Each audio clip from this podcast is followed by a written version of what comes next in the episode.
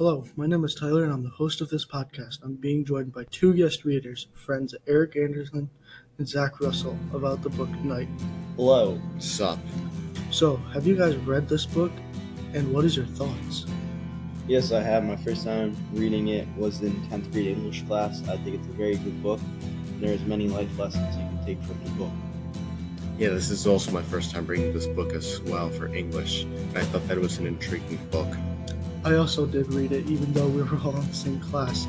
I thought the book was really good. What you guys both said about the book, about it being, you take life lessons, and the book is intriguing, and there are both great answers. So, what do you guys know about the plot so far? It's about a young boy that lives in Hungary named Elie. It takes place in the Holocaust during the near end of World War II, where Hitler's about to surrender and pay the war crime, but still plans to kill the Jewish population. So, in chapter one, we learned about Elie and his family. What did you guys learn? Elie is a very curious little boy that is exploring his religion, though his other family members think otherwise. Elie's father doesn't want him to explore religion. Elie's mom is mystical. Also, Elie is the only point in his family and has two sisters.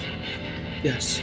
We also learned that he's the middle child. He has one older sister and one younger sister. So now, on to chapter two. What did you guys read in that chapter? I read that the Jews are being transported through the cattle cars, not knowing what will come to them. The lady already seeing fire. They are being sent to concentration camps where they were killed. Look, look at this fire. This terrible fire. Have mercy on me. Very good. So now on to chapter three. What did you guys read? Now Elie has to get split up from his family. It gets really intense because for a moment they think they might be going to a crematorium. Luckily, they don't, and they send them off to work. Elie is relieved because at least he gets to be with his father. So once they got here, Elie started to harden up and put his survival instincts forward. First at this point, Elie's sure he will never shall I forget. What a chapter, right? Yeah. Yep. Now to chapter 4. What did we learn from this section of the book? Train ride is still going on. It's cold, freezing, jet bodies are being thrown out. While on the train, a worker threw a piece of bread on the train for his own amusement, causing a stampede to happen. After a, after a while, they arrive in camp and both stripped away. We're nearly done, boys. What's happening in chapter 8 now? That was the depressing part. Elie's father slowly dying because of cold and starvation. He seems that he won't be going on much longer.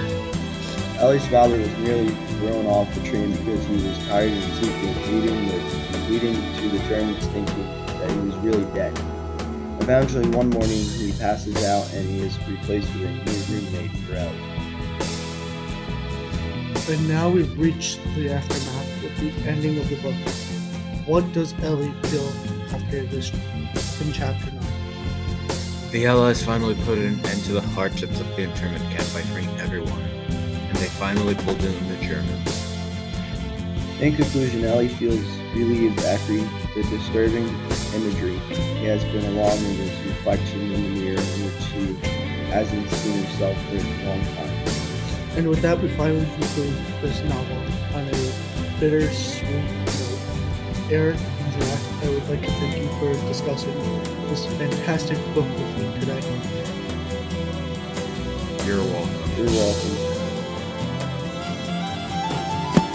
Now joining for me for these end notes is my good friend from Sicily, Franklin Romano. It's me, Franklin. Tell, tell me a fact about Elie Franklin and his family. Senor Wiesel was born in Romania to Shlomo Wiesel. Inside of Fag in real life, he was really the only boy in his family. Do you know what exactly happened to the rest of Elie's family besides his father? His older sister Zelda and Beatrice survived. His younger and other were unfortunately murdered in the camp. Very sad. Well, that ends our conversation today. Thank you, Franklin. Molte grazie, Tyler.